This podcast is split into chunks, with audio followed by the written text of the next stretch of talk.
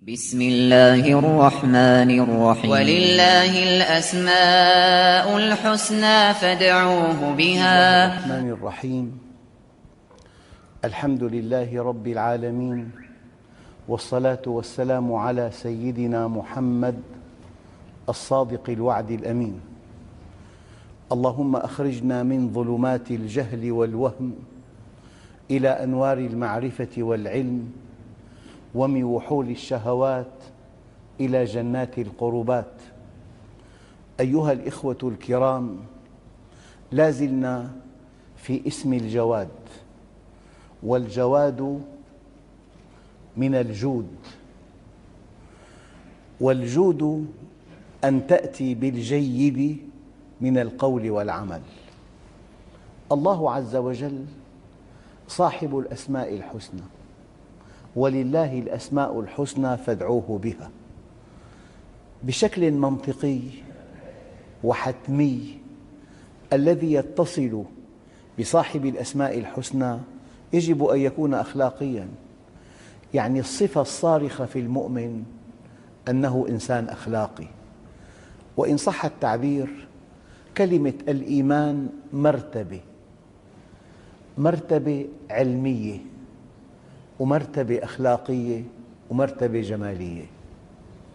المؤمن الصادق لأنه موصول بالله عز وجل يشتق منه الكمال. المؤمن أخلاقي. هذا المعنى ورد عند ابن القيم رحمه الله فقال الإيمان هو الخلق.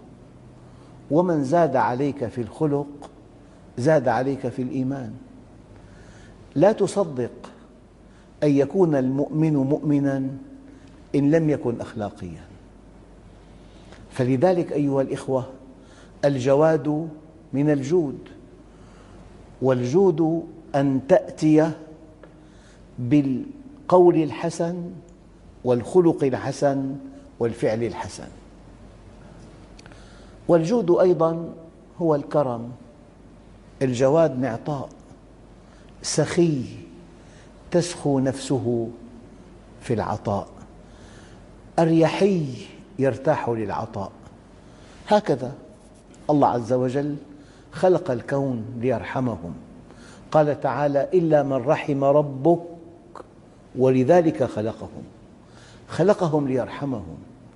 خلقهم ليسعدهم. إذا المعنى الأول الجود من أتى بالجيد من القول والعمل. والجود هو الكرم العطاء.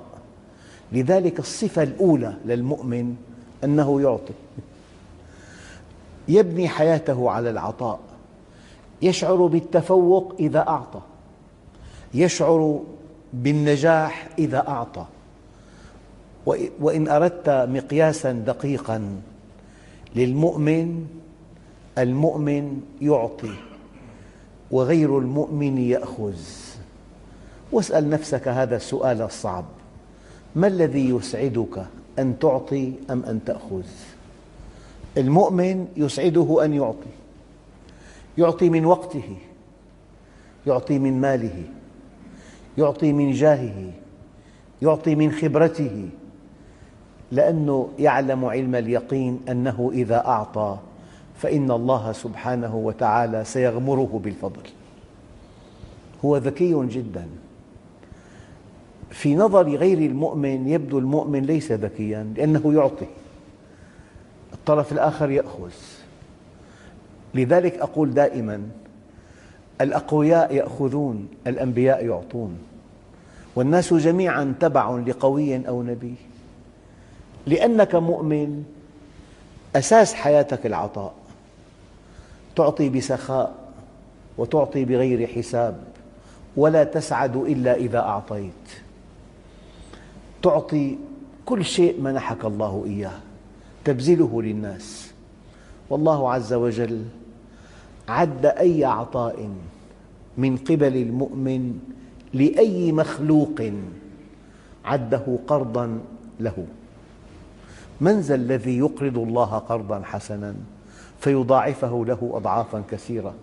والله الذي لا إله إلا هو. من حكم الله العظمى أنك إذا أعطيت كافأك بالدنيا قبل الآخرة. يعطيك عطاء يخجلك في الدنيا لأنه أكرم الأكرمين. لذلك الجود من الجواد من الجود والجود أن تأتي بالجيد من القول والفعل أو الكرم العطاء السخاء الأريحية. ورجل جواد أي كثير العطاء لكن والجود بالنفس أن تبذل نفسك في جهاد في سبيل الله أقصى غاية الجود. والجود بالنفس أقصى غاية الجود.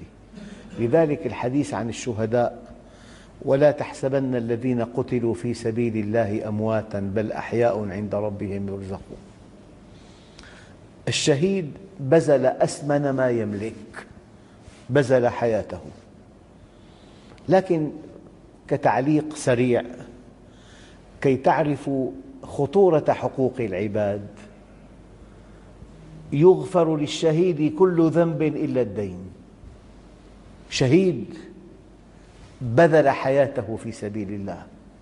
حقوق العباد مبنية على المشاحة بينما حقوق الله مبنية على المسامحة. أيها الإخوة في البخاري من حديث أسامة بن زيد أن رسول الله صلى الله عليه وسلم يقول حينما جاءه رسول إحدى بناته برسالة أن ابنها يجود بنفسه ينازع سيغادر الحياة. فقال عليه الصلاة والسلام بعث إليها برسالة لله ما أخذ وله ما أعطى. كلام جامع مانع. له ما أخذ وله ما أعطى. لذلك في بعض الأدعية اللهم ما رزقتني مما أحب فاجعله عونا لي فيما تحب. يعني يا رب وفقني أن أجعل هذا الذي منحتني إياه في سبيلك. من قوله تعالى وابتغ فيما آتاك الله الدار الآخرة. آتاك علما ابتغ به الدار الآخرة. آتاك خلقا ابتغ به الدار الآخرة. آتاك فصاحة ابتغ بفصاحتك الدار الآخرة. آتاك مالا آتاك جاها آتاك خبرة آتاك وسامة. أي شيء آتاك الله به فابتغ به الدار الآخرة. أيها الإخوة المؤمن يوظف كل ما أعطاه الله في سبيل الله. يعني يروى أن رجل من علماء القلوب سأله رجل عن, عن الزكاة فقال عندنا أم عندكم؟ قال سبحان الله ما عندنا وما عندكم؟ قال عندكم الزكاة ربع العشر أما عندنا العبد وماله لسيده يعني مأخوذ من قوله تعالى قل إن صلاتي ونسكي ومحياي ومماتي لله رب العالمين هو قمة العقل والذكاء أن تعطي مما أعطاك الله. لذلك إن لله ما أخذ وله ما أعطى. ما رزقتني مما أحب فاجعله عونا لي فيما تحب. وما زويت عني ما أحب. كنت تتمنى بيتا غير هذا البيت. هذا البيت الذي منحك الله إياه. كنت تتمنى زوجة غير هذه الزوجة. وما زويت عني ما أحب فاجعله فراغا لي فيما أحب. إذا شيء بتحبه وما سمح لك أن تأخذه فالفراغ الناشئ عن انشغالك به ليكن في سبيل الله. إنسان يطمح أن يكون ذا دخل غير محدود لكن مشيئة الله ولحكمة بالغة جعله ذا دخل محدود. فالمال الذي كان يمكن أن يشغله عن الله الوقت الناتج عن عدم انشغاله بهذا المال الوفير ليكن في سبيل الله ليطلب العلم. إذا إن لله ما أخذ وله ما أعطى. كل بأجل الإيمان بالقدر يذهب الهم والحزن. الإيمان بالقدر نظام التوحيد. فلا تدع مع الله إلها آخر فتكون من المعذبين. قال كل بأجل فلتصبر ولتحتسب. معنى تحتسب لتكتفي بنصيب الصبر كأجر من الله عز وجل. من معاني الجود سهولة البذل. يعني أحيانا الشحيح بتقنعه تأتيه بالأدلة ترجوه تتوسل إليه أن يساهم بمشروع خيري بصعوبة بالغة بجهد جهيد ثم يعطيك النزر القليل. لكن من معاني الجود سهولة البذل والإنفاق وتجنب ما لا يحمد من الأخلاق ويكون بالعبادة. العبادة المتقنة من ثمراتها الجود العبادة المتقنة يعني أنا لا أصدق أن ترى مؤمنا شحيحا. لا أصدق أن ترى مؤمنا جبانا. البخل والجبن يتناقضان مع أخلاق المؤمن. المؤمن كريم وشجاع. كريم لأنه يرى المعطي. أنفق بلال ولا تخش من ذي العرش إقلالا عبدي أنفق أنفق عليك. وشجاع يرى أن له عند الله أجلا لا يتقدم ولا يتأخر. وقالوا كلمة الحق لا تقطع رزقا ولا تقرب أجلا. كلمة الحق لا تقطع رزقا ولا تقرب أجلا.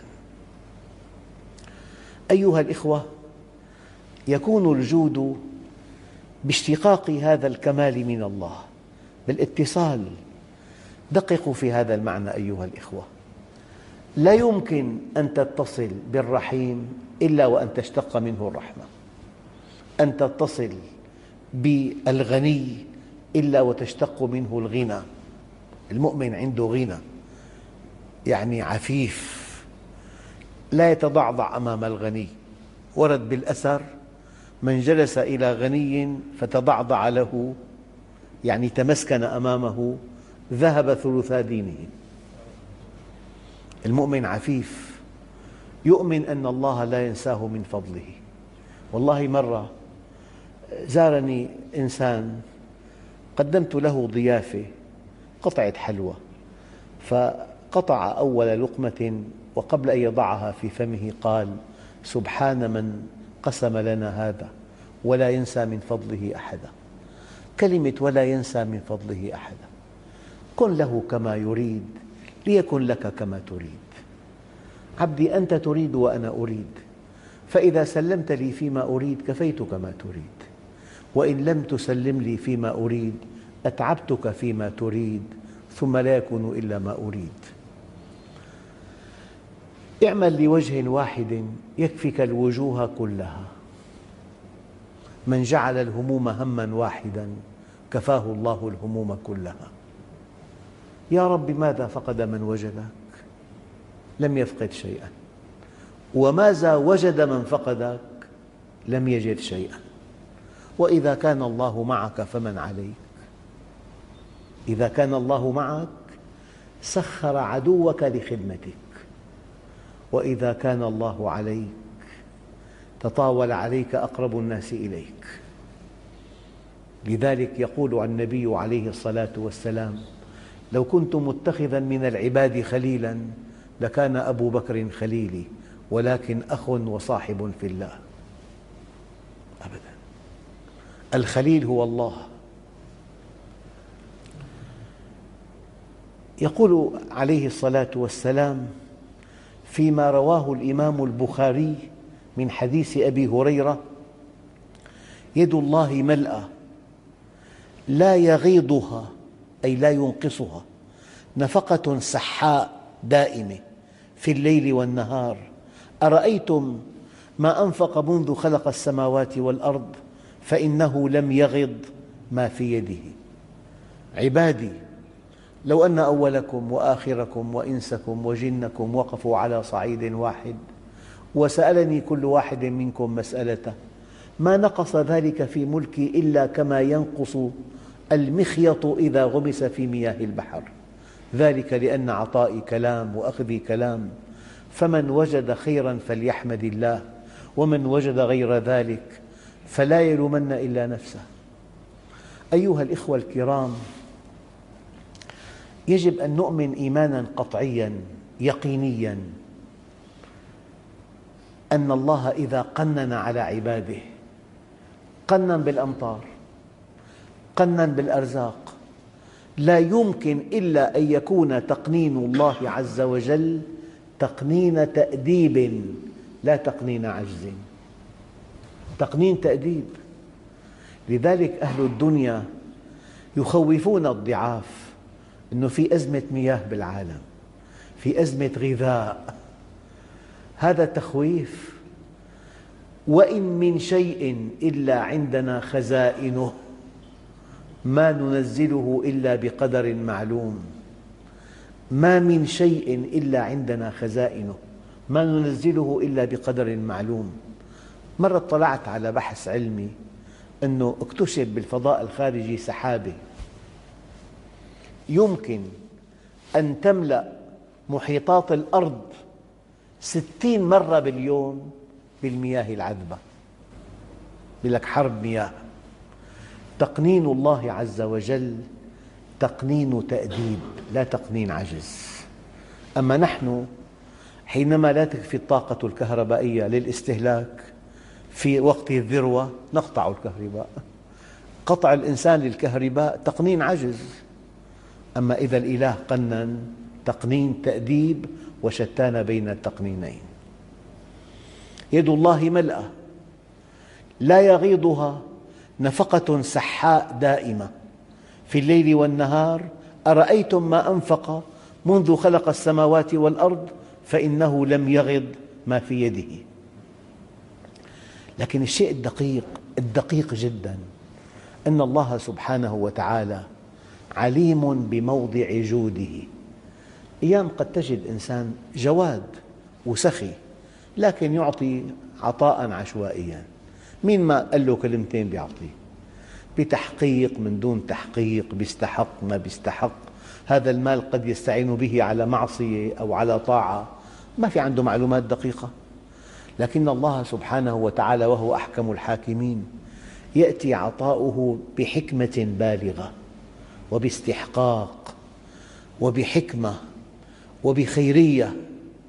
لكن هذا الشيء يذكرني أن النبي صلى الله عليه وسلم عقب بعض الغزوات استعرض الأسرى في عنده أسرى فقد كانت من بين الأسرى امرأة وقفت وقالت يا رسول الله هلك الوالد وغاب الوافد فمن علي من الله عليك وخل عني. ولا تشمت بي أحياء العرب. فإن أبي كان سيد قومه يفك العاني ويعفو عن الجاني ويحفظ الجار ويحمي الذمار ويفرج عن المكروب ويطعم الطعام ويفشي السلام ويحمل الكل ويعين على نوائب الدهر. وما أتاه أحد بحاجة فرده خائبا. أنا سفانة بنت حاتم طي. فقال النبي عليه الصلاة والسلام يا جارية هذه صفات المؤمنين حقا. ثم قال ارحموا عزيز قوم ذل وغنيا افتقر وعالما ضاع بين الجهال. هذا من توجيه النبي عليه الصلاة والسلام.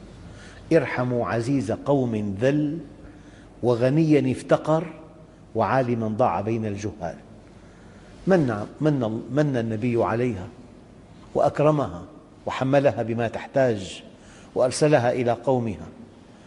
فحينما رأت هذا العطاء وهذا الكرم استأذنته بالدعاء. هنا الشاهد. الله عز وجل كرمه بحكمة بالغة في موضعه. قالت سفانة أصاب الله ببرك مواقعه أصاب الله ببرك مواقع ولا جعل لك إلى لئيم حاجة. ولا جعل الله لك إلى لئيم حاجة. ورد في بعض الآثار عن سيدنا علي. والله والله مرتين. لحفر بئرين بإبرتين. مستحيل.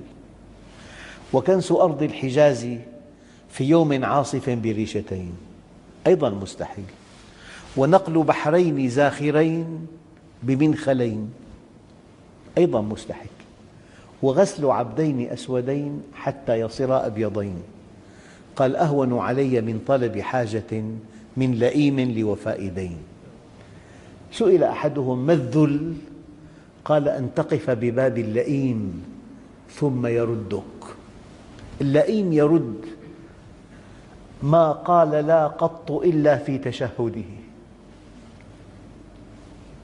لولا التشهد كانت لاؤه نعم. المؤمن يخجل من كلمة لا يبذل كل ما عنده.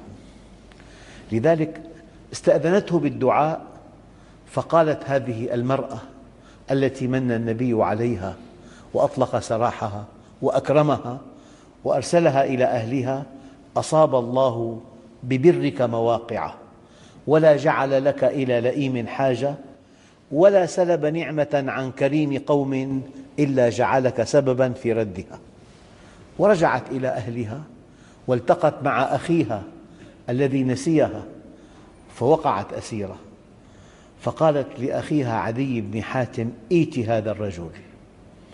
فإني قد رأيت هديا وسمتا ورأيا يغلب أهل الغلبة ورأيت فيه خصالا تعجبني رأيته يحب الفقير ويفك الأسير ويرحم الصغير ويعرف قدر الكبير وما رأيت أجود منه ولا أكرم منه فإن يكن نبيا فللسابق فضله وإن يكن ملكا فلا تزال في عز ملكه.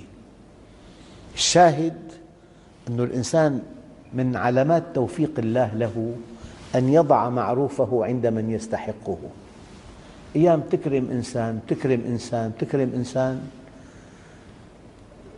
يتنكر لك أعلمه الرماية كل يوم فلما اشتد ساعده رماني وكم علمته نظم القوافي فلما قال قافية هجاني. هذا اللئيم اللئيم يرد على الإحسان بالإساءة. لكن الكريم يرد على الكرم بكرم كبير. إذا جواد هداك إلى طريقه إلى طريق يفضي إليه هداك إلى طريق طاعته هداك إلى طريق الجنة هداك إلى سلامتك هداك إلى سعادتك. هذا معنى الجواد أيضا. أرشدك إلى الطريق. قال يهديهم سبل السلام. المؤمن في سلام مع نفسه. ما في عنده اختلال توازن. ما بنى مجده على أنقاض الآخرين. ما بنى غنى على إفقار ما بنى عزه على إذلالهم. متوازن المؤمن. يعني في بقلبه من الراحة النفسية ما لو وزعت على أهل بلد لكفاهم. هذا معنى الجواد. الله عز وجل قال والله يدعو إلى دار السلام. هذا الذي ترونه في العالم هذا من فعل الشيطان. الله عز وجل يدعو إلى دار السلام الحروب والقتل والاجتياح والاعتقال والهدم. هذا من فعل الشيطان. إن هذا من عمل الشيطان. والله يدعو إلى دار السلام ويهدي من يشاء إلى صراط مستقيم. إني توكلت على الله ربي وربكم. ما من دابة إلا هو آخذ بناصيتها. إن ربي على صراط مستقيم. أيها الإخوة الكرام من أسماء الله الجواد أي يهديك سبيل الرشاد. يهديك سبيل السلامة. الآن ابن القيم رحمه الله يرى أن الجواد أي أنه أعطاك الأوامر والنواهي لترقى بفعل الأوامر وترقى بترك النواهي. بين لك الحلال والحرام. لترقى بأخذ الحلال وترك الحرام. الله عز وجل جواد أرادك أن تكون في جنة عرضها السماوات والأرض. فلذلك أيها الإخوة ولله الأسماء الحسنى فادعوه بها. أي تقرب إليه بكمال مشتق من كماله. والحمد لله رب العالمين.